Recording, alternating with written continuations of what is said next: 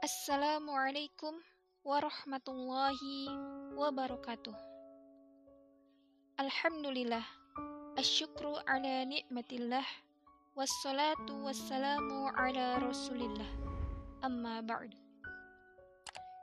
Saudaraku sekalian yang dirahmati Allah subhanahu wa ta'ala, sejenak mari kita renungi bersama sepotong nasihat yang syarat akan hikmah sebuah nasihat yang lahir dari kegelisahan jiwa seorang murid Syekh Hujatul Islam Muhammad Al-Ghazali.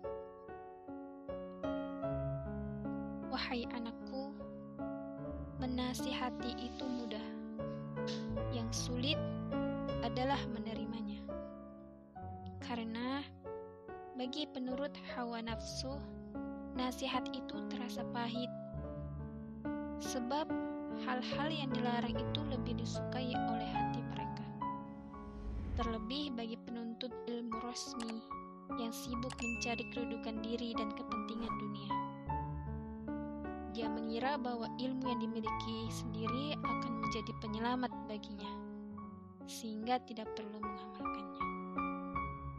Subhanallah, ia tidak tahu kedudukan seperti ini bahwa ketika sudah memperoleh ilmu lalu tidak mengamalkannya, maka ilmunya lah yang akan menjadi hujah kuat yang akan melawannya.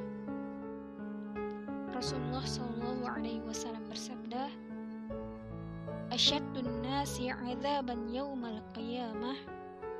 Manusia yang paling keras siksaannya di hari kiamat kelak adalah alimun La yanfa'ullahu bi'ilmihi. Tetapi Allah tidak memberi manfaat dengan ilmunya. Karena itu, marilah kita luruskan niat dalam setiap hal, terlebih dalam menuntut ilmu, agar ilmu yang diperoleh dapat dengan mudah diamalkan dan menjadi cahaya petunjuk jalan. Saudaraku sekalian yang dirahmati Allah, intisari yang dapat kita petik di antaranya ialah pentingnya menerima nasihat yang baik dan bahayanya ilmu tanpa amal. Semoga kita tidak termasuk golongan yang disebutkan oleh Rasulullah SAW di dalam sabdanya tadi. Semoga bermanfaat. Wassalamualaikum warahmatullahi wabarakatuh.